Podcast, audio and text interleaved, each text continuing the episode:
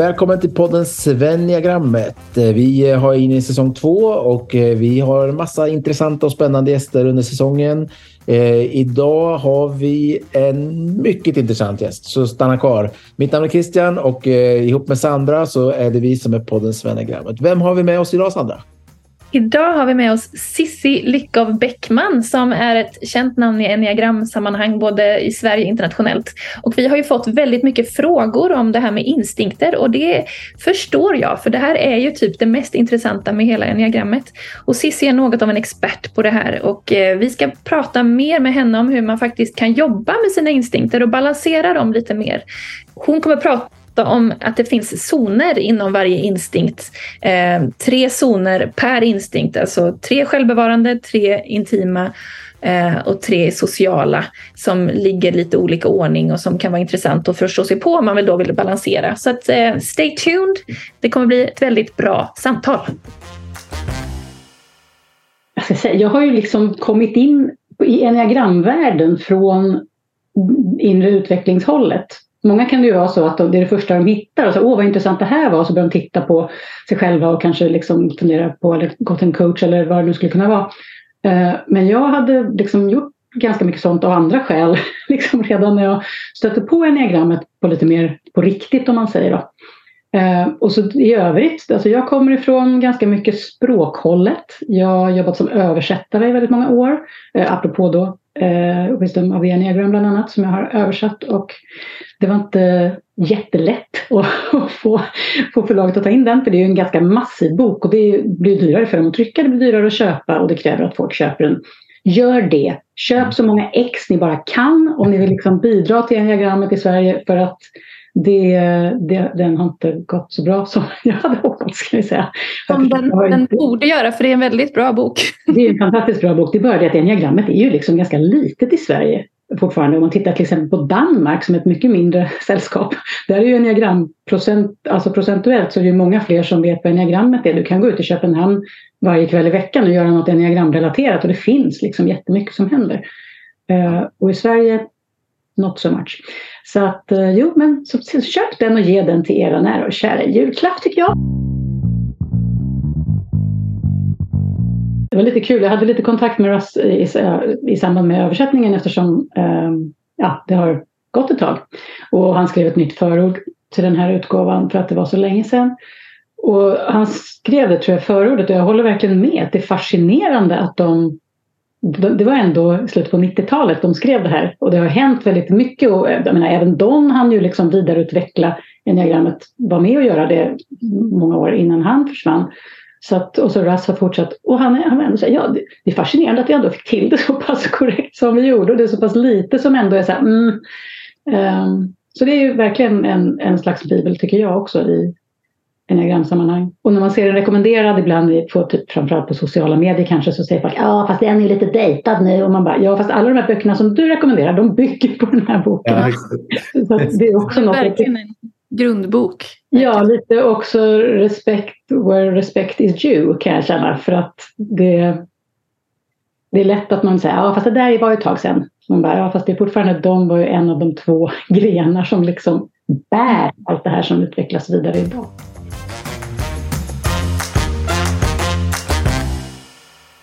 Hur blev det då att du hittade enneagrammet och vad, hur har det liksom, vad, vad innebar det för dig? Att, ja, det, roliga, det roliga var, eller det roliga, jag fick en MS-diagnos i slutet på 90-talet. Eh, det var inte roligt. Men det var också det som sparkade igång hela den här eh, lite mer jag hade varit lite intresserad av psykologi, sådär som man är i huvudet. Liksom. Eh, och sen hände det och då blev det så här, oj då, nu måste jag nog kanske göra något annat. Så då började både jag och så väldigt snart också min man och han var mer intresserad än jag innan av så här lite mer eh, upplevelsebaserad terapi kan man väl säga. Um, och väldigt snart in i det där då, eller sen efter något år eller två, så hittade vi liksom, jag hade sett diagrammet tror jag i någon veckotidning eller så här tidigare, men det kom tillbaks genom en kurs som vi var på. Uh, och, de bara nämnde, det handlade inte kursen om det särskilt mycket, men, men de nämnde, de hade några listor som jag förstod senare att det här var nog taget ur Helen Palmers uh, böcker, hur, hur de här typerna var. Och grejen var att den här uh, personen jobbade mycket med MS-patienter och han hade då liksom dragit den slutsatsen att alla som har MS är nior. Och jag visste ju ingenting om enneagrammet så jag sa jaha. Eh, och så läste jag den här listan och bara trotsig, jajamensan.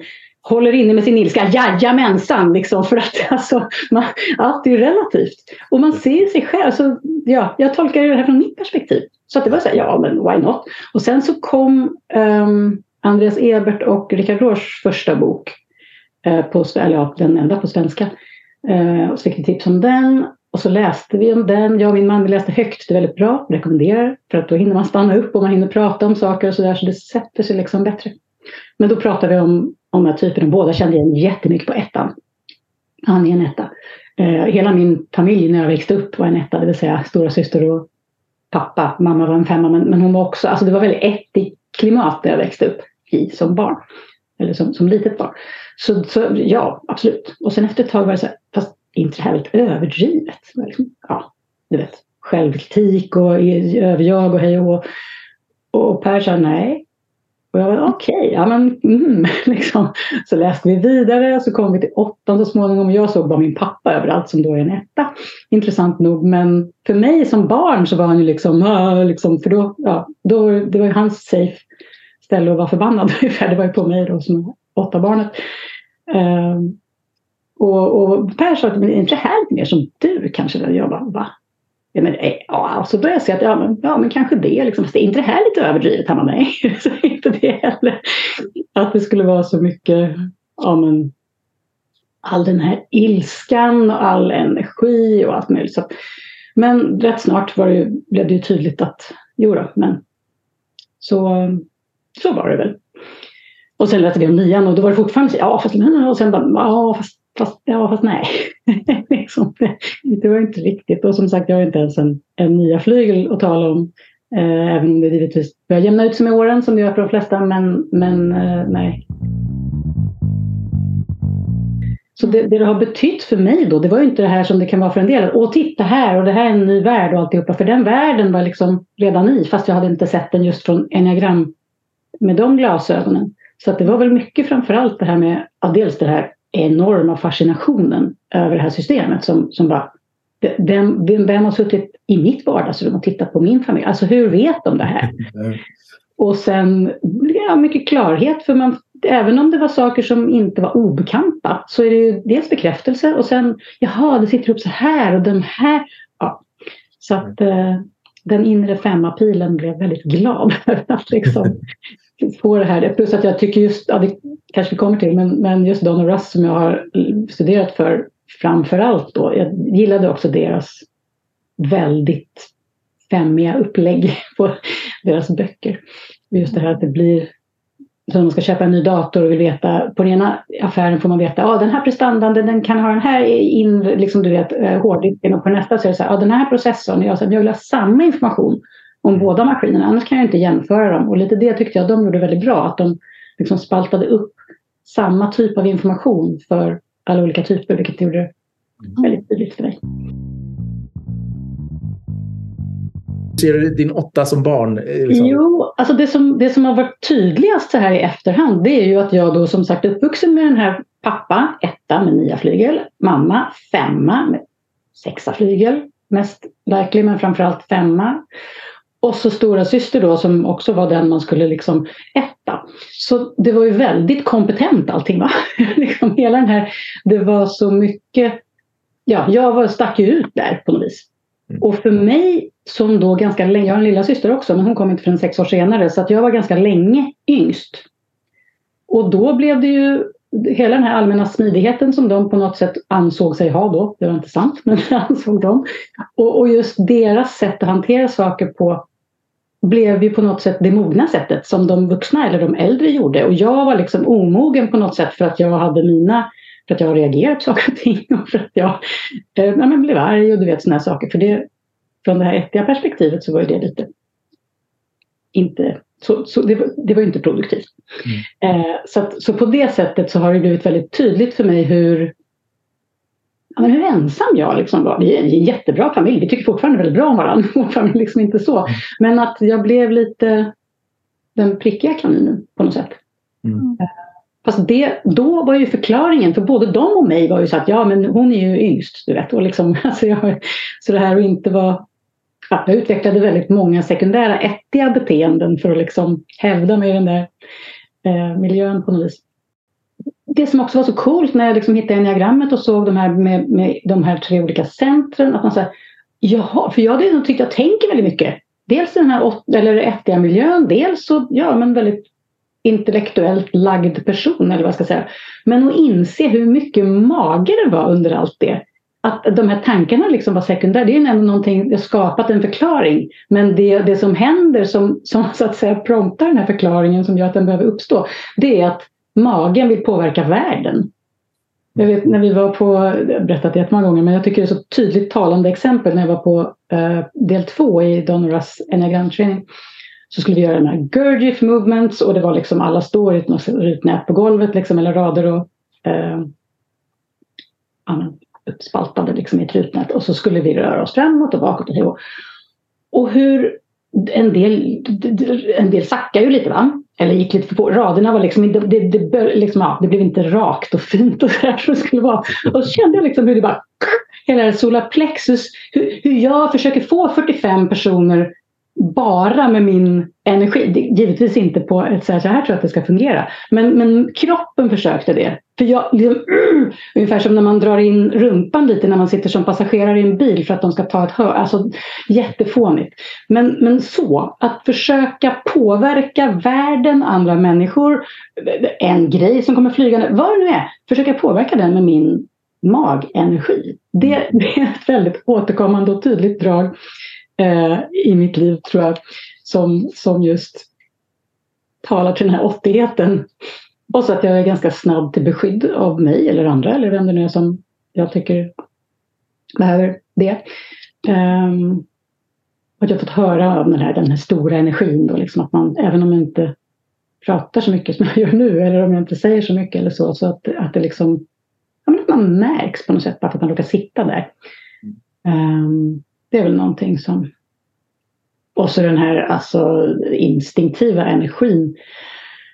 Jag pratade med en kompis senast häromdagen som är väldigt snarlik mig i just de instinktiva preferenserna och hon, hon liksom här att jag är jättetrött idag, jag borde egentligen vila. Men så har du den här som bara ding, det här är roligt, det här ska jag göra. Liksom att sugas in i det här som, som drar. Det, märker jag också väldigt tydligt. Sen eftersom jag blev sjuk, alltså det är ju det är sånt som händer när man oavsett om man får en, en så pass distinkt sjukdomsdiagnos eller om man bara, bara blir lite äldre så börjar det ju också ändra sig hur mycket man är benägen att tillåta det här. Man kanske fattar intelligenta beslutet att gå och lägga sig fast. Det finns en väldigt stark drivkraft att se ett avsnitt till på Netflix eller göra någonting eller vara någonstans eller så. Men eh, men det, det, det intressanta är ju att dra är ju fortfarande. Det är inte så att preferenserna har ändrat på sig, det är bara det att jag väljer att Alltså jag har ett huvud också som kan vara med och bestämma och ett hjärta, det är inte bara magen. Ja, men det där är ju intressant också vad den sjukdomserfarenheten gör med det. Min, min fru Elisabeth har, eh, hon är tydlig 8, strategi 8. Men då, och så har hon också drabbats av en kronisk sjukdom som har gjort att hon har tvingats sakta in. Liksom. Hon kan inte springa på alla bollar som hon vill. Och även om hon har energi så måste hon, eh, hon måste på något sätt eh, förhålla sig till den här nya vardagen. Lite grann. Så det är intressant att se den kopplingen också. Just att det kanske drabbar vissa strategier på ett annorlunda sätt. Då. Eh, just att Absolut, man... och framför allt tror jag, jag tror att Givetvis spelar det roll för vilken enneagramtyp man tillhör men inte minst de här preferenserna. Liksom hur, hur det är alltså instinktsmässigt, hur det, mm. hur, hur, det påverkas och ändras. Och det jag kan på något sätt tycka det är att, eller det jag tycker är relevant att förstå, det är vad som inte ändras. Att det är en sak att, att ha, lägga sig till med ett beteende för att man upptäcker att ja, men jag vill leva längre. Jag tror jag gör så här. Jag äter fast jag inte och så vidare. Men, men det är inte samma sak som det här som drar i, i magen oavsett vad det då drar till. Mm. Ja, men på tal om det, vi har ju bjudit in dig lite idag för att prata lite särskilt om instinkter och hur man gör för att balansera dem. Eh, och jag tycker det är superintressant det du är inne på nu, vad som ändras och vad som inte ändras och ha, kan vi ändra? Det, liksom det, det känns ju när man läser om det så känns det som att oj, men det här är svårare att ändra på än att bli mer medveten om sin strategi och försöka jobba med den. Så ja, vad, bred fråga. Hur gör man för att balansera sina instinkter? Eh, det, det, breda svaret är att man gör det indirekt. Man, man kan liksom inte så här, nu ska jag sluta springa på alla de här bollarna eller nu ska jag sluta och fanatiskt sköta min diet om jag nu råkar vara självbevarande och gör det på ett, liksom, på ett sätt som faktiskt skadar mig istället. För det är ju inte så att man är duktig på en viss sak bara för att det är starkt hos mig utan det är ju det att man lägger mycket energi på det. Sen kan jag ju som, som självbevarande, eh, om jag, om jag leder med den så kan det ju vara så att jag får vitaminbrist för att jag liksom tar så mycket restriktioner i dieten. Så att det måste inte vara så att jag strålar av hälsa. Och likadant jag kan vara, ha social i topp och, och vara en fullständig eh, despot och liksom nu ska jag påverka allt det här och rodda med de här hierarkierna och liksom, jag, måste, jag måste inte vara smidig för det. Jag vet att du är sugen på att höra lite om zonerna också och de är väldigt mycket en del av det här svaret. Russ Hudson började prata för ganska många år sedan om olika zoner i eh, varje instinkt. För att, alltså medan de här instinkterna i sig är väldigt Eh, alltså de är ju särskiljbara från ett evolutionsperspektiv mycket mer, så är ju inte zonerna det på samma sätt. Men de illustrerar liksom bredden. Eh, och, och, allt hur mycket varje sån här drivkraft faktiskt innefattar. Och lite av vad den inte innefattar då också automatiskt. Inom den självbevarande instinkten så kan det ju handla om att jag bryr mig mycket om vad jag äter, att jag motionerar, att sådana saker. Och gör det som sagt mer eller mindre effektivt och bra. Men det är mycket fokus där. Eh, och den kan man väl kalla då för kropp och hälsa eller så, den, den zonen. Men sen har vi ju folk som, är, alltså som har stark självbevarande instinkt och det verkligen är topp och som ägnar sig åt eh, ja, finansvärlden eller för att liksom skapa stora kapital så att jag kan leva gott. De kanske ägnar sig åt, som min man, att förstå hur precis allting fungerar. För han tittar på en grej och, och liksom börjar automatiskt begripa om man ser en mekanisk funktion, hur den funkar. För den råkar vara lagd åt det hållet. Jag bryr mig om hur den funkar. Jag, är lite, jag har den i mitten. Så jag är lite så här, ja, alltså självbevarande i största allmänhet har jag i mitten. Så att jag bryr mig om den, hur den funkar om den inte funkar. Men, men han är liksom, jag tycker det är kul. Eh, så det är liksom en slags resurshantering kan man säga. Antingen av faktiska, praktiska saker då. Eller av, av om man säger till exempel ekonomi och pengar Eh, Eh, så lite mer långsiktighet i det. Om man tittar i naturen så är det liksom ekorren som gömmer sina nötter för vintern istället för att äta upp dem direkt. Som man skulle göra i den första zonen, kanske mer hämta nöten, käka upp den. Det är liksom, nu ska jag överleva. Ehm, men så resurshanteringen är lite mer delayed gratification kan man väl säga. Eller att, att tänka framåt.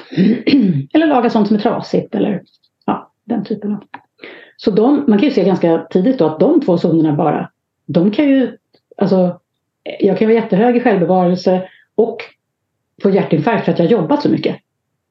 Eller så kan jag inte jobba alls för jag ska ta hand om mig själv hela tiden och jag måste vara ledig nu. Eller sådär. Så att det, det kan liksom slå åt väldigt olika håll.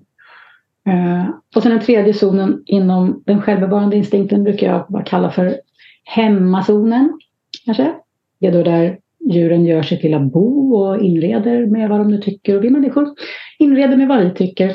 Eh, så det är också att hur mycket, hur viktigt är det för mig, hur viktigt är hemma för mig som plats? Är det viktigt? En del människor är så här, ja det är bara att jag kraschar där när jag är hemma men jag åker ut och gör det och det och jag, jag tar med mig, ja du vet, mitt hus som en snigel typ. Och andra säger, nej men det här är viktigt och jag bryr mig om hur det ser ut och jag vill att det ska vara på ett visst sätt och sköter tvätten. Alltså det kan också handla om antingen både rutiner och säkerhet och trygghet och sådana saker eller om ren estetik och vad jag föredrar att omge mig med för material eller färger eller sådana saker. Men den, den typen av frågeställningar. Så det är den tredje utav de här zonerna. Och jag som är, liksom, eh, jag är den här newbin eh, i den här podden, så jag frågar alla de här grundfrågorna. Vad är tanken då att man har en av de här zonerna lite stark, om man är självbevarande eh, mest då, eller dominant så har man en av de här zonerna också som är liksom dominant inom det självbevarande.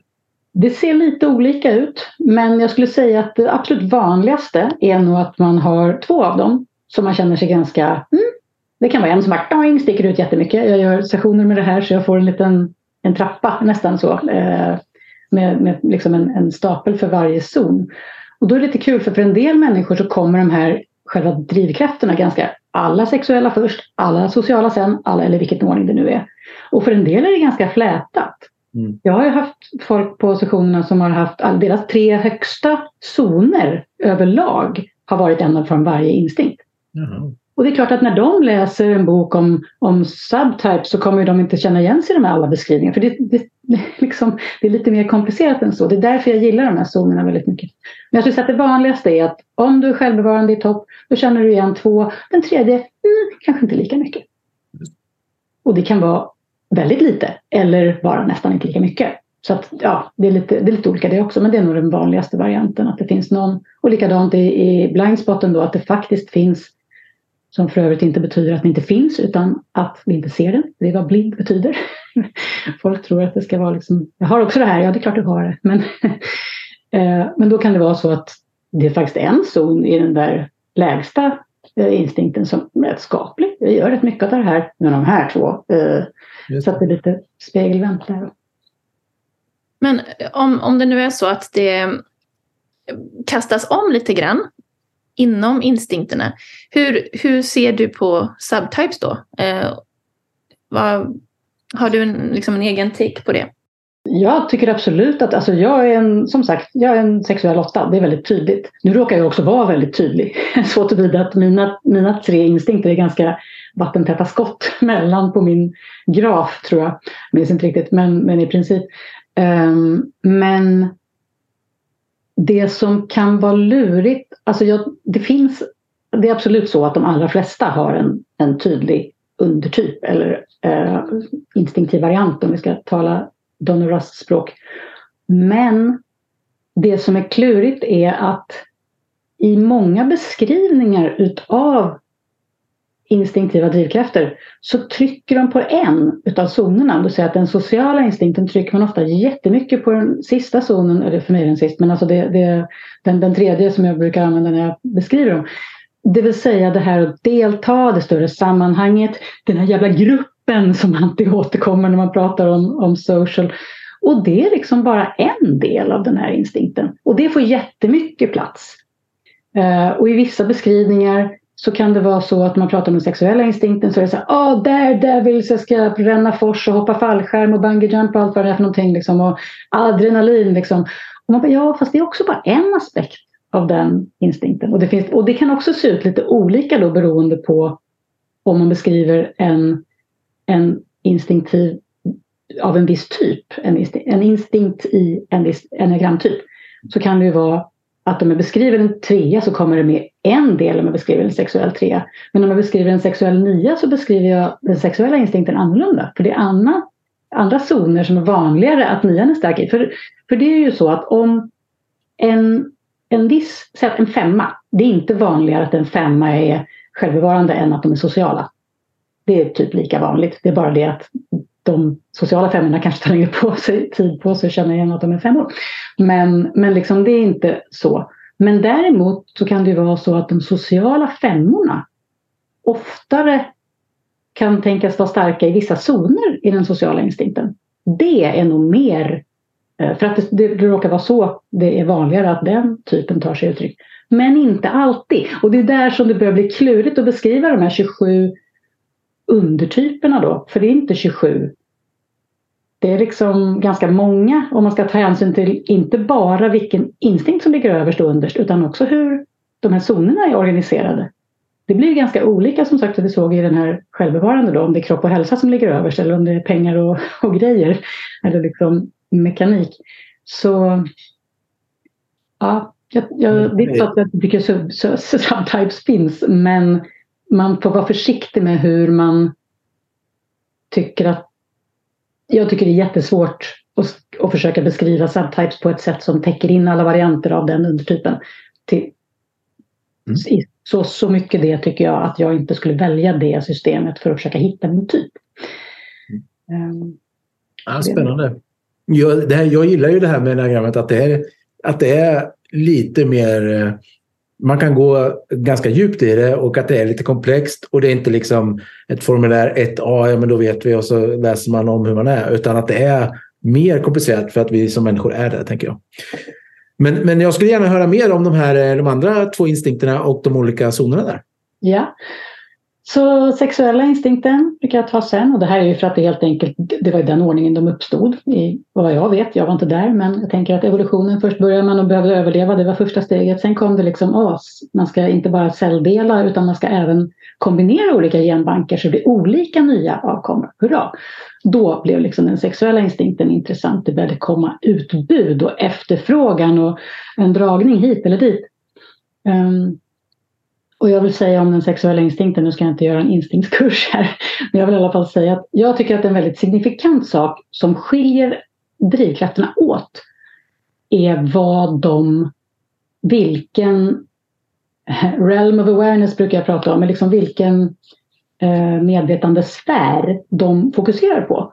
Och den självbevarande instinkten fokuserar på jag och mig och hur jag mår inuti. Den är ganska tydlig. Det är ingen som funderar så mycket över det. Men däremot att den sexuella instinkten sen fortfarande fokuserar på jag och mig. Det, det där kommer ett jättestort vanligt missförstånd att det handlar om tvåsamhet. Nej, det är i viss mån social, i viss mån hjärtaktivitet om man säger så. Det är inte, den, den sexuella instinkten handlar fortfarande om mig. Sen handlar den inte om mig inuti och, och en slags uh, hur jag ska överleva utan den handlar om hur ska jag expandera. Hur ska jag kunna, hur ska jag innefatta dig? Mm, liksom. Nu vill jag lägga in... men det är fortfarande så att om vi ska liksom hårdra så, nej, jag skiter i dig, du ska bara vara en del av mig. Jag, det, det är liksom, jag ska, ja som de här eh, fiskarna och vargar som parar sig och så bara blir de en fisk. Lite så. Um, eller då att utforska nya områden, om vi tar lite förlängning, det måste inte bara handla om, om människor utan utan att den instinkten handlar om att expansion, är väldigt, attraktion och expansion. Ska jag säga. Och den första av de zonerna, eller den ena av de zonerna, handlar om, Russ brukar kalla både instinkten och zonen för attraction, men jag tycker det är lite lurigt för jag, jag gillar inte sånt utan jag, det ska vara tydligt. Så jag brukar kalla den för magnetism, men magnetism och attraktion är faktiskt synonymer eh, i princip. Men det handlar om att vem Alltså att, att synas i världen, att ha sitt lilla skyltfönster. Vad är det jag visar upp? Eh, vad är det jag sänder ut? Det är inte nödvändigtvis samma sak. Och det är inte så att de som har en stark magnetismzon sitter och funderar över det och bestämmer sig strategiskt vad de ska sända ut, utan det bara händer. Men det, där, det finns mycket liksom karisma ofta. Um, den typen av energi. Det finns en ganska tydlig medvetenhet om vart jag dras, vad jag vill ha, vad jag inte vill ha. Det är liksom lätt för mig att, att välja ofta. Um, tenderar att agera därefter ofta också. Ganska mycket tävling kan det finnas här också. Och uppenbarligen eftersom det handlar om det. Vem ska få fortplanta sig? Är det du eller jag? Det är därifrån, det är där det börjar. Sen är det inte där det slutar. För det finns mycket som sagt som inte handlar om en annan människa eller sexuell fortplantning utan som handlar om expansion och utforskande och upptäckter. Men så nästa zon, där är det just det här utforskandet. Att engagera sig, alltså att liksom hitta något som, som drar och tar risker. Att eh, ha äventyr. Den här daredevilen som vi liksom pratar om. Eh, som, som måste hoppa bungee jump och ha sig. Det är mycket den andra zonen där på sexual. Eh, som jag brukar kalla för utforskande zon. Det kan handla om också att ja, men att, vilja, att vilja bli utmanad precis lagom mycket. För blir jag för lite utmanad, då är det helt ointressant. Blir jag för mycket utmanad, då, då tappar det som liksom ett gummiband. Om man sträcker ut det för långt så går det av. Utan det behöver liksom vara den här, mm, här spänningen däremellan. Ska jag spela mitt pianosolo så ska det liksom inte vara bäva vita lamm för då är det tråkigt. Men det får inte vara för svårt heller. Utan det måste liksom vara så precis lagom så att jag kan lägga all informationen i, eller all, allt fokus skulle jag säga, i den här liksom, aktiviteten. Um, så det tror jag vi kan säga om utforskande. Och så den sista stackars zonen då som brukar kallas merging på engelska som jag översatte till sammansmältning tror jag i boken för att det var, vad ska jag säga liksom. Men det, är ju, det kräver jättemycket upppackning för det är inte tvåsamhet. Eh, tvåsamhet är två sammansmältning är ett. Det är liksom att, att gå upp i någonting. Men um, det kommer ofta upp när man pratar om nior till exempel att, att de går in i någonting eller liksom bländar med sin partner till exempel och tar det, det, hans eller hennes åsikter eller eh, vad det nu kan vara för någonting. Och det här är inte alls samma sak. Om man är en sexuell nia så kan det mycket väl vara så att man har en stark merging zon eller sammansmältningszon. Men det är liksom fortfarande det här aktiva. Som nia kan jag blanda ihop mig med andra av, av passivitetsskäl om man säger att jag, liksom, jag, jag vill inte blanda in mig i det här, jag, jag, jag åker med dig. Men det här är mycket mer den här nian som bara tittar in i ögonen och sitter där och mm, liksom så smälter ihop. Det, det är vad den här zonen handlar om. Och det måste inte vara en människa i andra änden. Det kan vara mitt projekt som jag bara inte har en aning om vad klockan är. Jag glömmer att mata barnen. Det är liksom, du sitter här och, och skriver eller målar eller vad det nu jag gör. Men att liksom att, eh, att liksom, vad ska man säga, fusa eller liksom, ja, men smälta samman med någonting för att jag vill. Inte hjälplöst då som ett offer utan för att det, åh det här, återigen, det är inte så mycket att jag går in i något som att jag suger in det i mig, så att säga. Om man ska jämföra de här två fenomenen. Nästa är den sista zonen i sexuell. Och om man tittar på den sociala eller anpassnings Instinkten sen. Någon sa, inte alla, handlar inte alla om, om adaptiva beteenden? Ja, det gör de ju, men det här är en fråga om anpassning till andra. Mm. Eh, då är social, det är ju den enda där det plötsligt handlar om vi. Där, där jag har en, en instinktiv förståelse för att du är också en person. Du har också åsikter på riktigt och känslor och, de, och de kan vara lika giltiga som mina faktiskt. Kan jag helt spontant förstå i, i den här sociala instinkten. Man kan se att det tar ett tag för barn att komma dit. Det är ingenting vi föds med. Det finns, inte, det finns ingen medvetenhet hos det här lilla barnet om att den här andra människan också är människa och kan bli sårad. Särskilt inte om det är mamma eller så. Men för det, det är inte klart än. Det tar lite tag innan vi får det på plats, alltihopa det här. Um, men så i den instinkten så finns först finns zonen att vi läser av. Det vill säga det som jag gör som mamma med det här lilla barnet. Jag läser av, jag tolkar. Barnet kan inte säga hur, hur det mår eller vad det är som är fel utan det får jag liksom lära mig att läsa av. Och den här hela sociala instinkten kom, kom till för att barn blev för, de måste födas innan de var liksom, kunde klara sig själva. De flesta djur kan kliva iväg på egen hand ganska snart. Det kan inte barn. För vi, vi blev för avancerade. Och om, om ett människobarn skulle bli klart på insidan i magen så skulle det liksom bli väldigt jobbigt för mamman att få det där barnet sen. Eh, så därför fick vi lov att utveckla den här instinkten så att vi inte bara plupp, jaha nej det gick inte så bra med dig. Utan vi fick liksom stanna och ta hand om barnen. Och det, det är där den sociala instinkten börjar. Så det är en otroligt um, Apropå intimitet då, nu är det fortfarande så att intimitet handlar om hjärtat och inte så mycket mage alls. Men, men här är väldigt mycket att förstå vad du vill, empati, att, att kunna anpassa mitt beteende, att förstå när jag träffar min kompis. Hej, gud vad roligt att se dig! Och kompisen ser ut som ett utskitet äppelmos. Och så liksom att inte bara, men hej, mår du? Utan att man ser att oj, vad har hänt med dig?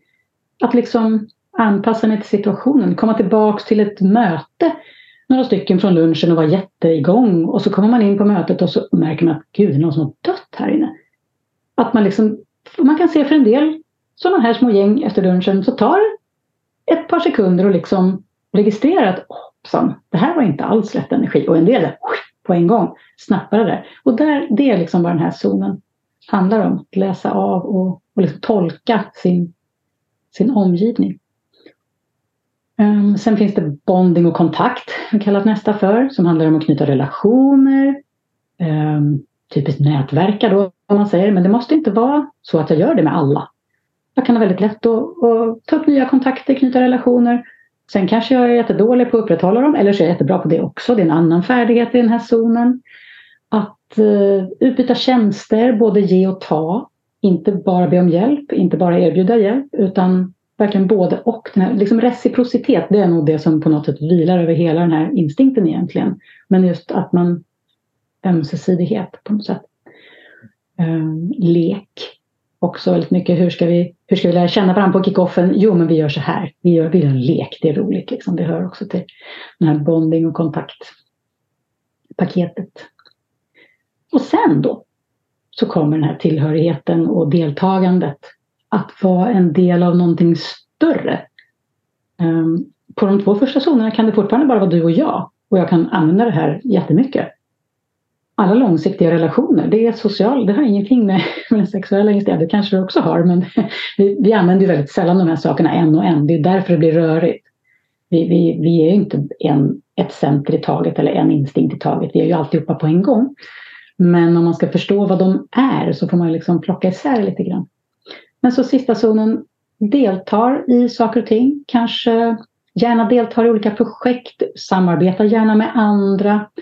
Eh, samarbeta gärna mot ett mål. Om vi säger att i den andra zonen, i den här bondingzonen, så sitter vi mitt mot varandra och pratar. I den här deltagande zonen kanske vi snarare går bredvid varandra mot samma håll. Alltså att vi liksom är på väg mot ett gemensamt mål som vi har. Eh, och det kan vara vår familj eller vårt företag eller världen eller Sverige. Eller det, det kan vara på väldigt många olika nivåer. Men det är först här som den här, den här zonen som den här gruppaspekten kommer in. Och är det här en hög zon, ja då kanske jag är jätteduktig på att snacka med folk på mitt projekt, så värva människor när vi knacka dörr, göra ja, nätverksförsäljning. Känns som att man borde vara stark i den zonen. Jag har ägnat mig kort åt detta. Jag är inte stark i den zonen. Jag tror att det är min lägsta zon överlag. Så det är inte min grej riktigt.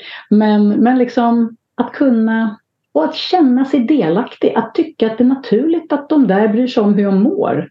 Inte på något sätt att liksom inte på det här hjärtiga känslomässiga sättet utan bara att överhuvudtaget fundera över, alltså, alltså, de, tycker de det spelar roll om jag kommer på den här festen?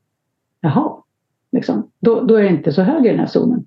Eh, utan att man, att man faktiskt förstår det. Återigen för att man liksom tillskriver andra samma det låter så hemskt, det, inte, det handlar inte om samma mänskliga värde men det handlar om att tillskriva andra en lika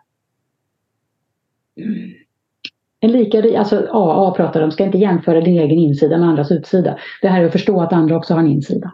Det är väldigt mycket vad den här instinkten överlag handlar om. Men ja.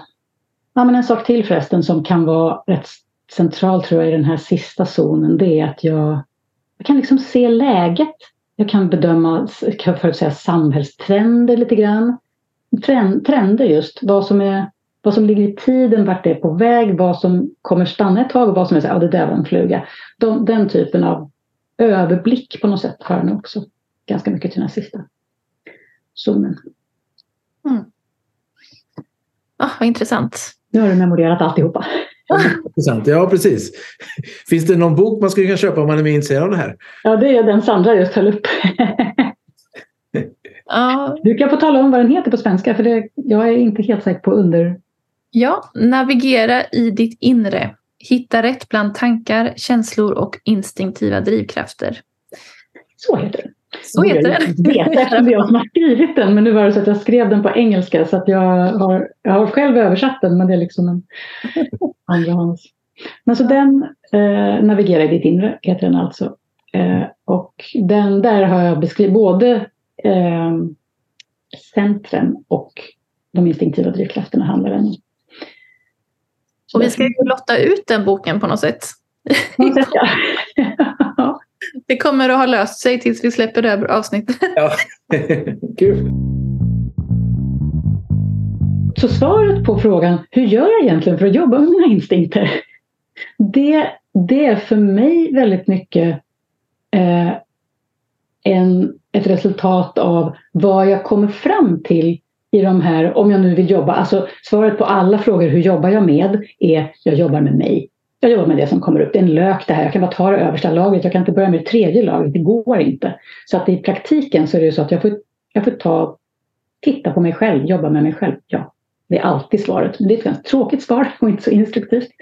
Så att när det gäller just instinkterna så, så har jag känt att om jag då har fått lite mer uppfattning om hur de här zonerna är fördelade för mig. Då, då brukar jag ha en eh, fyrstegsprocess Det låter jättevetenskapligt det här. Eh, men som, som jag på något sätt kan falla tillbaka på, nämligen man börjar, det här är jättenära saker. Det är en petar på liksom din innersta övertygelse om vem du egentligen är. Enneagramtyp är en sak, men den här instinktiva preferensen ligger liksom i, ja, ännu längre ner på något vis. Så att egot är ganska snarstucket i den här, eh, i, på det här området. Så därför så tycker jag att det är bra att börja med att smörja upp egot lite grann. Det vill säga, man tittar på det som är starkt. Vilken är din starkaste? Sexual, okej, okay, vilka zoner? Det ser ut så här. Hur är det? Vad, gör, vad är roligt? Vad är bra? Vad har du nytta av? Hur, hur hjälper det här dig i ditt liv att du faktiskt lägger så mycket fokus på det här? Och så titta på det, för det är också sant. Det är inte bara dåligt allt det här, utan det är också någonting som, som har gjort att jag kan utveckla vissa färdigheter. Så då kan man titta på det. Sen när man har gjort det eh, och, och liksom känner sig nöjd och glad över detta, då kan man lite försiktigt en bra dag börja titta på, okej, okay, när springer det här iväg med mig? När blir det här lite, när, mm, det var inte riktigt vad jag hade velat göra. Jag hade inte velat äta upp hela den här kakan. Jag hade inte ve- och så vidare. När, hur, hur kör jag i diket? Eller hur kör den här instinktiva preferensen hos mitt system i diket med mig? Och så kan jag titta på det också ganska försiktigt. Men för att se bara vad... Och det är inte heller, en, syftet är inte att så då ska jag göra så här, då ska jag ändra på det här, då ska jag sluta med det här. Nej. Bara bara se att det är så. Det är också någonting som vi har väldigt svårt för. Vi vill gärna göra listor. För när vi tittar på sånt som inte är jätteskönt, då är det oftast så att det är inte så bekvämt. Och då, då vill jag gärna att det ska bli på ett annat sätt, så det kan bli bekvämt. Så det är ju liksom lite grann tricket här, att på något sätt lära sig att vara med det som inte är så bekvämt. Och låta det, som någon i min svärmors här i Västergötland sällskap en gång har sagt, sjunka till räva. Det vill säga flötet liksom låt det lägga sig, skulle man kanske säga på ett lite mer riksen eh, manér. Men, eh, men att låta det liksom landa.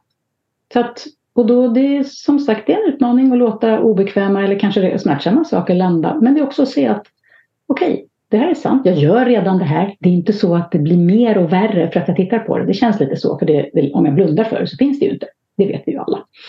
Men eh, ja, så det, det är liksom nästa steg. Eller det är egentligen det första steget. För det handlar om min högsta zon, mina högsta zoner i den starkaste instinkten.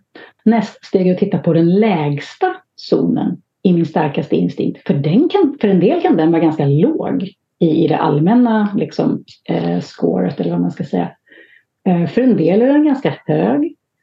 Där är frågan, skulle mer fokus på den här zonen hjälpa till att balansera de här väldigt höga zonerna? Eller skulle de snarare elda på? Skulle det snarare elda på de höga zonerna? Och för mig som, som har eh, den sexuella instinkten i topp och min lägsta zon där är det här utforskandet. Eh, men jag kan ju se att om jag Ja, då, då, egot också, hurra, jag kan utveckla min sexuella instinkt ännu mer. Jag ska göra mer av det här, jag ska ta mer risker. Och så bara, nej, det ska jag inte göra. Det, är inte, det kommer inte att, att liksom moderera de här två eh, starkaste zonerna. Det kommer snarare att, att elda på dem, kan jag se. Och det får man liksom verkligen, det får man vara lite uppriktig mot sig själv och se, man kan också prova, se vad som händer. Eh, om man törs, säga. Men, men för en del kan det vara så att, ja men titta om jag släpper in lite mer, jag har varit med om någon som har haft um, ja, jag, jag, ska, jag vet inte, jag ska inte gå in på exempel för jag blandar ihop folk. Men, men att, att det kan vara så att ja, men okej, man lägger lite mer krut på min hem, hemmazon här, som är min lägsta, säg self-press-zon då, om jag nu är en självbevarande typ. Då, då kanske jag då kanske det lugnar sig lite med det här hysteriska kroppsfokuset som jag har till exempel. Så att ja, det, det, kan, det kan vara till hjälp. Men det är också någonting man får avväga väldigt mycket själv. Så, så, så de två stegen handlar om den starkaste instinkten och sen handlar de nästa två stegen om den absolut inte starkaste de här drivkrafterna. Och då skulle jag säga att första steget är, det är liksom lite grann göra spegelvänt det vi gjorde nyss. Så först tittar jag, eller ja, samma sak kanske. Först tittar jag på min starkaste zon. Vilken zon i den här lite halvdåligt bemedlade instinkten inom mig har faktiskt ganska bra på fötterna? På vilken zon kan jag... Det har jag kanske inte ens tänkt på. Men jag läser ju av folk jätteväl. Jag bara gör inte de här sakerna eller vad det nu kan vara för någonting. Så att man börjar se liksom att ja, men jag, jag använder faktiskt det här. Och det ska vi också återkomma till för övrigt. För vi använder alltihop. Alla använder alltihop. Annars är vi inlagda någonstans tror jag. Um, men det, det, så det är liksom det första steget där. Att man liksom glider in i den här lite murkier waters på något sätt. Av den, den blinda instinkten då. Att man gör det ändå via att titta först på det som faktiskt funkar. Och sen en dag när man känner sig riktigt snäll mot sig själv och inte särskilt reaktiv eller överjagsattackerad så kan man titta på, okej okay, hur ser det ut i de lägsta eller den lägsta, vilket nu känns relevant för mig, zonen. Vad är det här? Vad, vad, kommer ens, vad kommer jag att tänka på? Hur känns det när jag bara tänker på den här instinkten och de här zonerna? Och så kan man märka, det är jättebra att göra en sån inventering för då märker man hur överjaget har jättemycket åsikter och det kan ha åsikter om mig och jag är så dålig på det här. Eller det kan ha åsikter om andra för det här är ju så meningslöst. Varför ägnar de sig åt det här egentligen? Och vi, vi har så mycket, alltså alla sådana åsikter oavsett om de dömer andra eller om de dömer mig själv. Det, det är liksom överjaget som försöker hjälpa till. Eh, och man kan, ja, det kan vara skönt att ha liksom lite grann, kanske nästan skrivit ner dem först så att man ser att när de dyker upp sen, när man håller på att titta på de här sakerna, då kan man bli så ah, titta, där var den. Och så blir det lite mer distans till alltihopa. Men att då kunna se väldigt försiktigt, vad är det här för någonting? Vad väcker det hos mig? Vad är jag rädd för med det här? Vad, vad om jag bara känner att men det här är helt uttråkad så kanske man kan gå lite djupare och se att okej, okay, men Finns det kanske någonting under det där uttråkade? Eller inte. Men att man tittar på vad, vad är det här för mig? Finns det någonting som jag tror att jag skulle kunna ha vunnit på och ha lite mer av det här? Är det någonting jag vill prova? Och där är det också väldigt lätt att det blir sura rönnbär och nej då, det här är bara, bara larv. Eller det är så frivolt eller det är så ytligt. Eh, beroende på vilken instinkt man står i och tittar på den där lägre. Då. Så att man får vara väldigt försiktig men just att börja se och man behöver bara vara nyfiken. Det är också jätteviktigt att komma ihåg. Jag behöver inte ändra på någonting. Jag behöver inte göra några trestegs, femstegsplaner för hur jag ska bli absolut jämn. Det är inte ens meningen. Jag tror inte det går. För att det är som personlighetstyper. Alltså vi är olika. Vi har olika preferenser. Bra. Alla tycker inte om glass. Det är helt okej. Okay. Um, ibland kan det vara så att jag vill ändå kunna ta en tugga när kungen kommer att erbjuda mig en bit glass på Nobelmiddag. Jag förstår, det, det liksom, jag vill kunna välja. Det är väl så enkelt förmodligen. Så mm. det, det är nog de, de fyra eh, stegen. Två för den starkaste instinkten och två för den svagaste. Det är nog mycket kortfattat så jag tycker att man ska kunna gå tillväga om man vill jobba med det här på ett lite mer inriktat sätt och inte bara i, eh, i det allmänna flödet av vad som kommer upp i livet. Wow, det är så bra. Känns som det här är ett sånt där avsnitt man kommer behöva, behöva lyssna på flera gånger för att det ska liksom landa. Och på, på, på 075 speed kanske? och läsa boken. ja men precis. Ja, men superspännande verkligen. Och också att du ger ett bra sätt att jobba med det. Att det inte bara är en deskriptiv, liksom, så, här, så här kan man tänka att det finns, utan att du också ger verktyg, sätta i handen. Så här kan man också jobba med det, tycker jag är superbra. Det är det jag tycker är roligt ehm, med det här. Det är, så, det är så jag vill använda enneagrammet. Liksom. Mm, beskrivningarna, beskrivningarna behövs ju tyvärr, så att man måste ju börja där, annars har man inget enneagram. Men, men det är väldigt lätt att fastna där, särskilt på Facebook. Liksom. Det, kanske det kommer till också. Ja. Du, du nämnde förut, så här, det här får vi inte glömma bort, eller det här ska vi eh, också prata mer om, att vi använder allihopa, eller hur du sa? Just det. Ja, men det, det, det, är en ganska viktig sak också för att det får folk ibland tror jag att och just när de ska försöka hitta sin, sin instinktiva preferens, de vet vad de är för typ, de kanske inte ens vet riktigt vad de är för typ och så tar de B. Chestnuts bok till hjälp och ska försöka hitta en av de här 27 och så, fast jag har ju det här också, jag har det här, uh, och så blir det jätterörigt allting. Och då känns det lite viktigt att säga att de, det här som vi pratar om, när vi pratar om instinktiva eller den här stacken då som ofta blir, särskilt om man kommer från eh, Enneagram Institute-hållet med Donald Rusto som myntade det begreppet. Det är att det vi pratar om när vi pratar om det från ett terapeutiskt eller ett utvecklingsperspektiv, det är toppen av ett isberg. Det är ganska lite. Det absolut största delen av det här isberget ligger under vattnet. Där äter vi när vi blir hungriga. Det finns ingen som är så låg self att de svälter ihjäl för att de ser på TV. Liksom. Det, är inte, det, det funkar inte så. Utan de, det är hela poängen med att de är instinktiva. Att de sker automatiskt. Att vi inte ska behöva vara, vara aktivt medvetna om de här sakerna. Utan det ska funka av sig självt. Och det gör det. det alltså du ska vara ganska störd för att inte möta en medmänniska som gråter och förstå att de är ledsen. Det, det, är liksom inte, och det är en social, alltså, så, att, så att mycket av det här gör vi precis hela tiden. Sen kan man vara mer eller mindre inskruvad då på vissa av de här. Men, men det tycker jag är, viktigt att vi, vi gör verkligen alltihopa. Mm. För det är också, ibland har folk väldigt svårt att se det här med preferenserna för att de tror att det handlar om vad de gör och vad de väljer. Och det gör det också. Det är liksom det som, det är ena sanningen. Den är, du är inte, jag gör egentligen sexual och nu har jag jobbat här hårt i 30 år för att jag äntligen ska kunna attrahera en partner. Nej, det kallas för självbevarande. Det är liksom inte, eh, och givetvis är det mer nyanserat än så, men, men just att det kommer märkas i ditt liv att du har den här preferensen. Om det inte märks, då har du inte den preferensen. Men om du har gjort ganska mycket jobb med dig själv, om du har fått en, en ganska diagnossnyting i ansiktet och varit tvungen att gå och lägga dig på kvällen eller vad det nu kan vara, då kan du ha börjat använda mycket av, ja, men just i det fallet self-press då, men vad det nu skulle kunna vara. Du kanske har fått ett jobb där du måste utveckla dina sociala förmågor och så har du märkt att det här, de här knepen ska jag använda. Då kan jag prata med fler personer på den här festen, då, lär, då, ja, då får jag ut det här. Men det är fortfarande en, det är någonting jag har lärt mig min pappa som jag skulle tro har en släng Aspergers, höll på att säga, men han, han är verkligen väldigt normal. Men det har blivit tydligt med åren att, ja okej, okay, um, han hans sociala instinkt är inte jättehög uh, eller stark.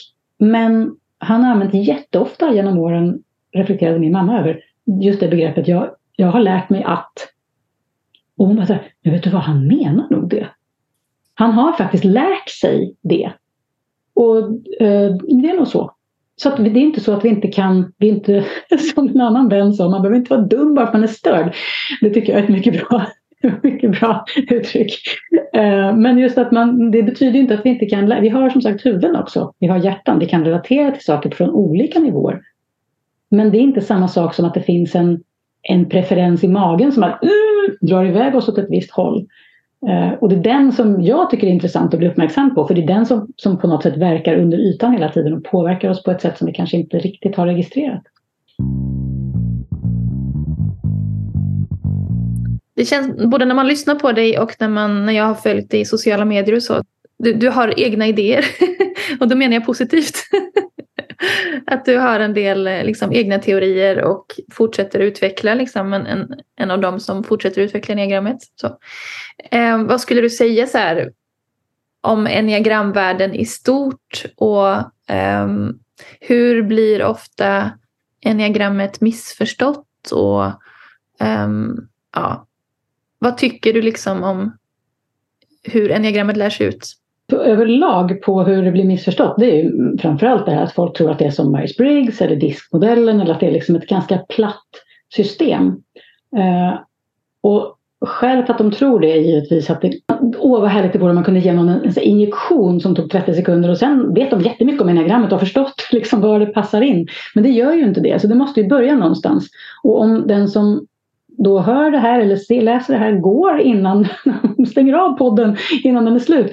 Eh, då, då hinner de liksom inte, menar jag, inte podden utan de här böckerna eller var de nu är någonstans. Då hinner de inte få förståelsen för den här helheten. Det är nog det som, alltså det är jättetråkigt. Alltså, det är fantastiskt att enneagrammet har fått så mycket spridning. Men det, det kostar också lite grann. Och det det kostar är ju just det här att faktiskt folk stannar tillräckligt länge i rummet, antingen det är fysiskt eller inte, och på något sätt förstå vad det handlar om. Sen så är givetvis, alltså sociala medier är ju ett fantastiskt sätt att sprida information. Det är inte ett jättebra ställe att lära sig diagrammet på. För att, det har sina begränsningar kan man lugnt säga. Ja. Vad sa du? Det har sina begränsningar. Ja, och, och problemet är ju att att det är det här teaching through memes, liksom, att nu är det en, en lista, så här är alla typerna. Blablabla. Och vad är fixeringar? Jo, det är de här och så räknar man upp nio fixeringar. Det förklarar inte vad fixeringar är för någonting. Så att det där är lite klurigt. Och problemet är ju att det, även de här ganska stora lärarna gör det här. För folk frågar efter det. Folk vill ha de här minnes... Och grejen är ju att om det är en liten, ett litet cheat sheet, liksom, om du vill ha en en minnesgrej, då är en lista jättebra. Om du vill förstå vad enneagrammet är så suger listan. Liksom. Och det finns inget sätt att skilja på det när det sprids online. Mm. Och samtidigt så är det jättebra att det sprids online. Så att, alltså, ja. ja precis, snarare att det är liksom en eh, ingångs, eh, ingång, ingången till enneagrammet. Men att man inte tror att det är hela förklaringen. Nej, i alla fall inte om man... Det, på något sätt, så fort man kommer till Ja, fast det här. Då, och så folk som diskuterar det på Facebook. Ja, ah, det här tror inte jag på. Det här funkar inte. Man bara, nej men du kanske ska studera i några år till. För det, alltså utgå inte ifrån att, att det är... Ja, utgå ifrån att det finns någonting du inte har förstått än. Mm. Säga, utan att liksom dissa någon. Men, men det, eh, det är det förmodligen. Ja, det är bra. Vad, vad tänker du för Sverige? Du sitter med i eh, Svenska Enneagramföreningens styrelse, stämmer det? Ja, Ja. Och vad önskar du för enneagrammet liksom framåt i Sverige då? Eh, det, det sprids ju lite små bäckar här och där och eh, det börjar pratas lite mer om det. Men vad önskar du se eh, framåt i Sverige? Jag önskar nog, jag önskar nog se mer eh, av den meningsfullhet som jag upplevde när man... Nu måste man inte åka någonstans och vara med folk i ett rum och, och känna på det här. Man kan göra det online, man kan titta på och lyssna på poddar till exempel. Eh, och allt sånt är jättebra men det blir väldigt lätt så att då är, så här, ja, då är jag klar nu eller då, då, då har jag det jag behöver nu. Och jag kan verkligen vilja slå ett slag för att minst live men helst även i samma rum eh, umgås med andra. Det, det, det absolut i särklass enklaste sättet att se, jaha jag var inte en fyra, jag var en nia det är ju att stå bredvid de andra fyrorna och säga okej. Okay. Mm. och liksom få den här upplevelsen. Och den är väldigt svår att få på något annat sätt än med människor. Mm. Även om man läser böcker. För som sagt, man lägger gärna in Alltså det är ju så vi fungerar. Vi kan ju bara förstå något utifrån vårt perspektiv där vi står själva. Det går inte att förstå från någon annans perspektiv. Om det du ser är eh, det första, alltså det första, om det du lär dig av enagrammet i början är ganska ganska ytligt skrap, även om det är liksom omfattande. Och så, eller det du förstår av typerna. Och sen träffar du inte folk. Då har man jättedåligt med kött på de benen. Fast det känns som att man kan ganska mycket. Men man kan bli rätt frustrerad för man, man kommer liksom inte riktigt vidare tror jag. Alltså jag, jag ska säga man, jag, jag, tror att det kan vara så. Alltså det verkar kunna vara så från folk jag pratar med. Um, så att, att verkligen jag önskar, och det, det var det jag har hoppats på med föreningen, att man kan... Det, det är lite, kanske urmodigt, men ändå fortfarande existerande sätt för att få folk att samlas som har samma intressen. Det är mm. det föreningar är till för. Så det jag tycker... Vad gör, jag, jag som är hyfsat ny här och kan ställa alla de här frågorna. Vad gör föreningen? An, anordnar den eh, kurser eller samlingar eller hur, eh, vad, vad händer? Föreningen hade senast nu i oktober en helg med Khaled från Egypten som pratade om enneagrammet och eh, integrative eh, coaching i princip. Det handlar om Stages of the Mind hette den workshopen. Um, och han kommer tillbaks nästa höst igen har vi bestämt precis. Däremot redan innan det så kommer vi att ha ett årsmöte i mars. Det kommer att vara fysiskt så vitt vi vet nu, det vill säga post-covid, hurra, vi åker någonstans och ses. Mm. Eh, som vi nu gjorde faktiskt även i våras, var det väl Sandra? Linköping. Mm. Ja, men du var med i Linköping. Men, ja, det var jag. Det var förra året. Ja, du vet. Jo, det var det. Det var förra våren. För i våras då hade vi Khaled, fast då hade vi en... Ja, sorry, never mind. Mm. Eh, men det brukar finnas en, en är det ett fysiskt årsmöte, vilket det blir i vår, då är det en fysisk workshop i, i samband med det årsmötet. Vi har haft en, en tanke om att det ska finnas två eh, fysiska aktiviteter varje år och två eh, online-aktiviteter varje år. Sen kom covid och gjorde att allting blev online och sen hade vi konferensen vilket var en jätteaktivitet. Eh, så att det, det har svajat lite av den anledningen åt, åt båda håll. Men det har liksom varit grundtanken. Eh, så att man får helt enkelt man får gå med i föreningen. Det kostar 300 spänn. Det är ganska överkomligt. Är man under 26 tror jag att det är så får man halva medlemspriset. Mm. Um, men där, då har man, sorry? Då får man ju din bok också, alltså den, eh, den du översatt. Uh, Enneagrammet Vitom, ja. Just nu är det så att den som går med i föreningen, som inte har gått med och fått den boken förut, får ett exemplar av Enneagrammets visdom.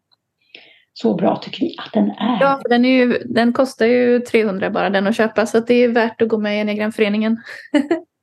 så kan det absolut vara. Och som sagt, just det här att det är, ett, det är ett sätt att bidra, även om man inte själv tänker sig att göra något med föreningen, så är det ett sätt att bidra till att enneagrammet får större spridning i Sverige. Alltså, tack så hemskt mycket Cissi. Det har varit väldigt intressant att höra dig prata om zonerna inte minst. Jag blir ju sugen på att läsa din bok igen och leta reda på min egen eh, stacking av de här nio blir det ju, tre gånger tre. Jag kan då tipsa faktiskt om att det finns också en bokklubb som har startat i Sverige. I, den är liksom lite grann en avknoppning av föreningen men det är en, en bokklubb som är separat. Jag tror träffas typ en... Jag, ska jag är med. En dag. Ja. Jag är med i den, kommer jag på. Ja, ni kommer att läsa den boken nästa år. Ja, precis. precis. Den, den, är nästa års, eller nästa hur länge det blir, men den, den är nästa bok i bokklubben. Så ännu en anledning att gå med i Enneagramföreningen är att mm. man får din bok som du översatt och man kommer att få vara med om man vill i en bokklubb om din, din bok navigerar ja, i ditt. Yes.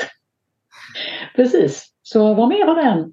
Sen kan jag också nämna att jag har en instinktskurs eh, online som är en, alltså en inspelad kurs som jag har haft i ett större sammanhang, en större utbildning som jag tänker isolera nu och ha separat. Så att vill man så går man till, um, ja, man kan skriva ett mejl till 44life at och så min lyckobackman.se, det vill säga mitt efternamn i ett ord. Och tala om att man är intresserad av den i så fall, för den kommer jag att sälja separat, själva just instinktdelen, för det är så många som har varit intresserade av att gå igenom zonerna på det sättet. Mm. Så den kommer finnas på svenska. Är den. Men vi har ju också den här utlottningen av boken-grejen, vi bara säger det. Ja, håll utkik på Instagram om vi inte har lyckats lösa det på annat sätt. Ja, precis. Så det finns värsta chansen. Och eh, stort tack eh, Cissi, jättetrevligt att ses och höra dig och eh, spännande att höra de här, ja framförallt kring zonerna tänker jag med och instinkterna. Eh, liksom för mig är ju bara att liksom prata instinkter är fortfarande eh, exotiskt för mig. Så att gå vidare till zonerna där eh, är en nivå som känns jätteintressant. Och jag gillar ju som sagt när det blir lite mer ännu mer sådär kött på benen och lite komplext. För jag tänker att det är så det är. Så att eh, stort tack för att du var med i våran podd och eh, på återseende säger jag.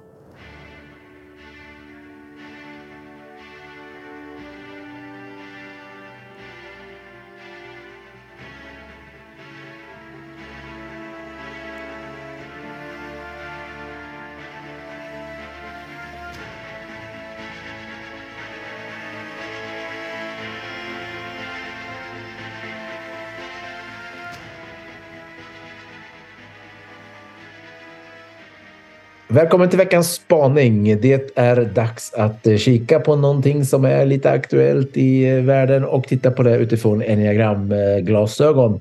Eh, och nu i mitt Netflix-flöde så kommer det upp att sista säsongen av The Crown är igång. Och jag vet att Sandra Eriksed är en stor The Crown-fan. Och du har kikat lite med enneagramglasögon på detta. Vill du berätta lite? Ge någon slags introduktion till det. Ja, man får ju följa det brittiska kungahuset över flera generationer i den här serien då för er som är helt som har bott under en sten och det är alltid speciellt att försöka tajpa människor som dels finns på riktigt och som är liksom fostrade i att inte vara personliga utåt. det är den första utmaningen. Sen har de ju blivit tolkade och porträtterade av, av manusförfattare och regissörer och skådespelare. Och I det här fallet så får man ju då som sagt följa i flera generationer så då har det bytts ut skådespelare i typ tre omgångar. Mm. Så att det, här, det här är ju inte någon eh, vetenskaplig eh, analys som håller i alla alla jag tror inte du behöver lägga in den stora brasklappen sen. vi, är med, vi är med på det. Det är lite tankar kring de här utifrån en diagramstrategi. Lite så. Precis. Ja. Så som de, min, min högst subjektiva tolkning av detta. Ja. Um, ja. Men vi, eh, ska vi börja med drottningen? Eller vad tycker du Christian? Skojar med mig. Det är liksom gräddan på toppen.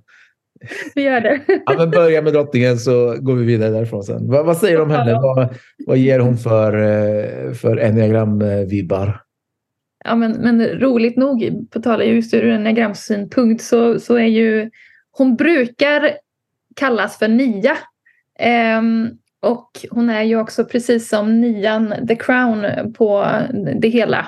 Det. Eh, man brukar säga att enneagrammet, eh, nian är kronan på enneagrammet. Ja. Jag tänkte att jag skulle lyfta fram det än en gång. Tack ska du ha Sandra. Försök få med det en gång per avsnitt. ja, precis. Däremot så håller jag ju inte med om att hon skulle vara nia i det här sammanhanget. Um, och jag har haft lite prat om det här på Facebook i lite olika enneagramgrupper och det har blivit lite nästan hetska debatter kring detta. Några nior känner så otroligt väl igen sig i henne som ung. Jag bara, men det här är ju jag, jag var ju sån här. Ja. Säg inte att hon är etta liksom, men etta är det som jag, jag personligen, Sonda, tycker att hon passar bäst in i. Spännande. Och, och, vad, och, och, hur går de här diskussionerna mellan ettan och nian? Då? Varför tycker vissa nia och varför tycker vissa etta? Varför tycker du etta? Ja, men alltså jag, jag, tror att det är så här att man har tolkat henne som en nia för att hon är väldigt diplomatisk eh, och hon förväntas ibland av folket uttala sig och välja sida men det vill hon inte. Mm. Eh, och att hon kan vara lite otydlig i konflikt. Um, sådär. Um, I alla fall med uh, Margaret Thatcher vid något tillfälle. Ja. Uh, och ja, hon, hon kan uh, ibland ha liksom, svårt att stå upp för sig själv och få sin vilja igenom. Men, men allt det här tänker jag grundar sig mer i att det, det är det rätta att göra som drottning, att inte mm. ha en åsikt. Ja. och att vara så otroligt liksom, hon, hon stå, ser ju sig själv som att hon står rakt under Gud. Och hon är inte så mycket en person som hon är ett ämbete. Liksom.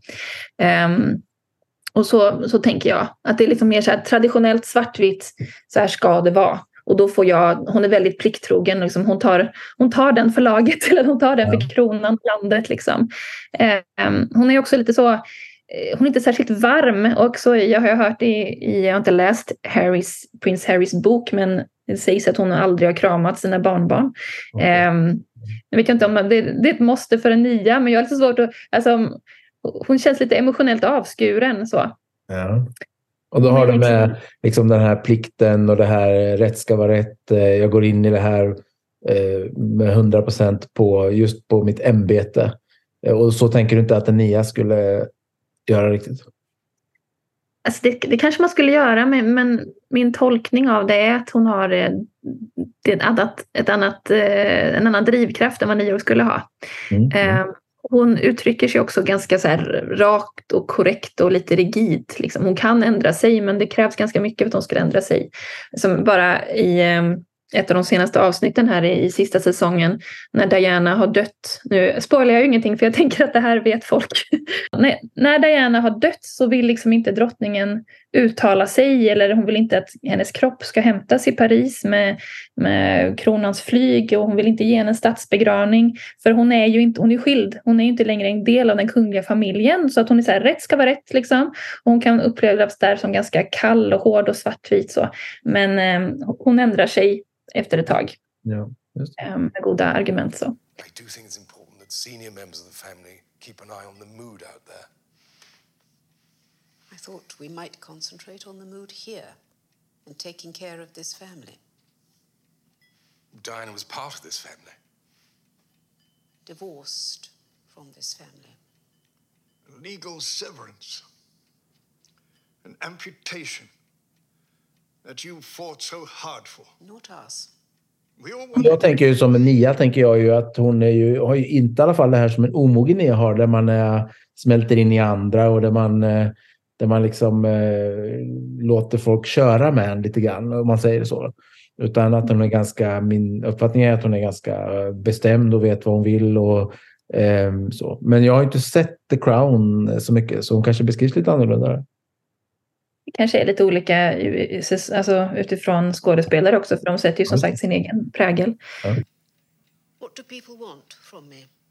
Attention and love Love. And understanding and, and support and care and empathy. And theatre. And spectacle. And exhibitionism. Yes, all the things that Diana stood for, all the things that Diana challenged us with.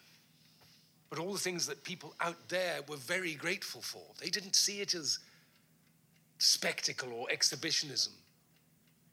Diana gave people what they needed, even if it was just confirmation that great pain and sadness doesn't discriminate. It comes to those with beauty and privilege too. And they adored her for it.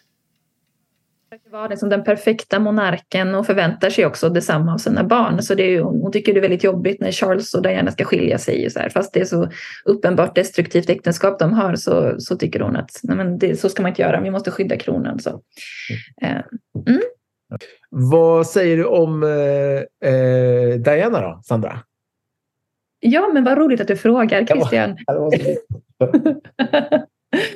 Eh, hon är också så lite omdebatterad och har varit så här, är hon en sexa, är hon en fyra?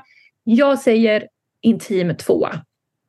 Hon är väldigt, så här, väldigt lätt för att bli omtyckt, inte minst av folket. Hon är väldigt charmig och inte minst charmar män. Eh, I alla fall lite senare när hon är så lite hämndlysten mot Charles när han fortsätter med Camilla där. Eh, hon liksom känns som att hon söker någon att bli ett med. Eh, så när hon, och när hon inte kan liksom bli ett med Charles eh, själsligt så försöker hon hitta allies inom kungafamiljen och hon söker sin eh, styvmors sympati. Nej, inte styvmor. Hon svärmor. Ja, svärmor. Hon söker eh, drottningens sympati men det går inte alls bra och det är en så här väldigt jobbig scen när hon försöker krama drottningen och så blir det väldigt awkward. Ja. Eh, och det, liksom, hon säger också i någon annan scen att, att hon inte har några vänner liksom, bortsett från de som hon jobbar med. Liksom. Eh, men det, det är inte, det, tänker jag, det är inte en del av en tvåighet utan en, en del av att hon hade den positionen hon hade. Men hon, alltså, hon försöker ju då hitta nya liksom, allies som hon gå upp i. Så. Ja, det. Så i början är hon lite mer passiv och anpassningsbar som jag tänker att tvåor kan vara innan de börjar liksom steppa upp i sin åttighet och ta lite mer plats och rum. Så hon är väldigt, eh, ja, lite mer av ett, eh, liksom en, en vacker kvinna vid eh, Charles sida till en början. Eh, och sen så blir hon liksom lite mer desperat och, och söker kontakt och stimulans och underhållning och distraktion och sådär. Ehm, Ja, och det tycker det finns också en tydlig koppling till fyran. Man pratar mycket om, om att hon uttrycker sig genom dans och så här, eh, som Charles avvisar. Och, och Charles, det sägs att han är fyra har jag uppfattat någonstans. Ja, precis det? så. Det, ja, men jag kan nog kanske hålla med om det. Eh, I alla fall om man ser de tidigare säsongerna när han är yngre. Eh, han kallas också för Ior av sin syster. och att han, hon, hon säger också hans syster att han, du är mer i dina fantasier än i verkligheten. Eh, han kan vara lite så här, och jag lider och klagar och ser sig som ett offer och som det svarta fåret i familjen och liksom ingen förstår honom. Och, sådär. Och, och han vill inte heller göra saker så traditionellt utan han försöker hitta sin nisch på saker eh, och så. Och han är väldigt noga med estetiken i sitt eget slott och, och fyller det med massa okonventionella växter och undviker raka linjer. Liksom. Jag tänker att det är så här, fyran som vill göra saker på egna vis, liksom. inte bara eh, så, här, så här förväntas du göra. Um, och han kan också, det känns som att det lyfter fram alla strategiers sämsta sidor här, men eh, han är ganska så intellektuell och snobbig och, och, han kallar Diana vid något tillfälle för the, the most unintellectually curious woman he has ever met eller något sånt där. Ja. Ja. så det, det, ja, det var ju lite så här, gick inte så bra för dem. Nej. Eh, och han är väldigt avundsjuk på att hon får all uppmärksamhet. Så där. Eh, och när han har chans att reparera äktenskapet så känner han inte för det som kanske en fyra skulle kunna uttrycka sig. Eh, Men han blir ju mycket trevligare med åren, i alla fall i serien. Jag vet inte om det hänger ihop med att man, han har blivit kung också. Drottningen har ju dött under seriens gång, alltså den riktiga drottningen. Så då måste de väl kanske framställa honom i lite trevligare dagar. Rätta till Eh. det lite. nu. Ja. Ja, precis. Ja. Men spännande. Finns det några fler eh, karaktärer du vill lyfta fram eh, från The Crown? Ja, men eh, någon som ändå är nia tänker jag nu. eh, Du är ju nia så vi kan ju ändå lyfta honom. Jag tänker Dodi Al-Fayed, alltså Di- Dianas pojkvän i slutet. Jag tror att han var nia. Han var ju väldigt eh, som, mån om att göra sin pappa till lags. Eh, vågade inte säga ifrån. Pappan som jag tror är åtta, liksom, utöver det jag tänker är åttans svaghet för objektifiering. Att lite manipulera bakom kulisserna för att få sin vilja igenom. Och eh, liksom använda andra människor, eh, i det här fallet då Dodi och, hans, eh, och Diana och det- hans första fästmö, eh, som schackpjäser för att liksom, ja, få sin egen agenda igenom eh, utan att ta hänsyn till deras känslor. Och, ja, det faktiskt är riktiga människor, riktiga relationer och riktiga... Så, ja. Ja, men spännande The Crown. Och eh, den sista säsongen pågår just nu. Och du kommer sitta fastnaglad i soffan. Jag har ju sett allt utom eh, det som jag tror släpps den 16 december så att jag väntar otåligt. Julen är räddad. Ja. Det är bara ett avsnitt eller massa avsnitt? Nej, jag tror att eh, jag tror det är slut snart. Ja, det, det är nog bara den dagen. Ja, men eh, tack för att du har lyssnat på podden Svenegrammet. Vi hörs! Tack, Tack, hej hej!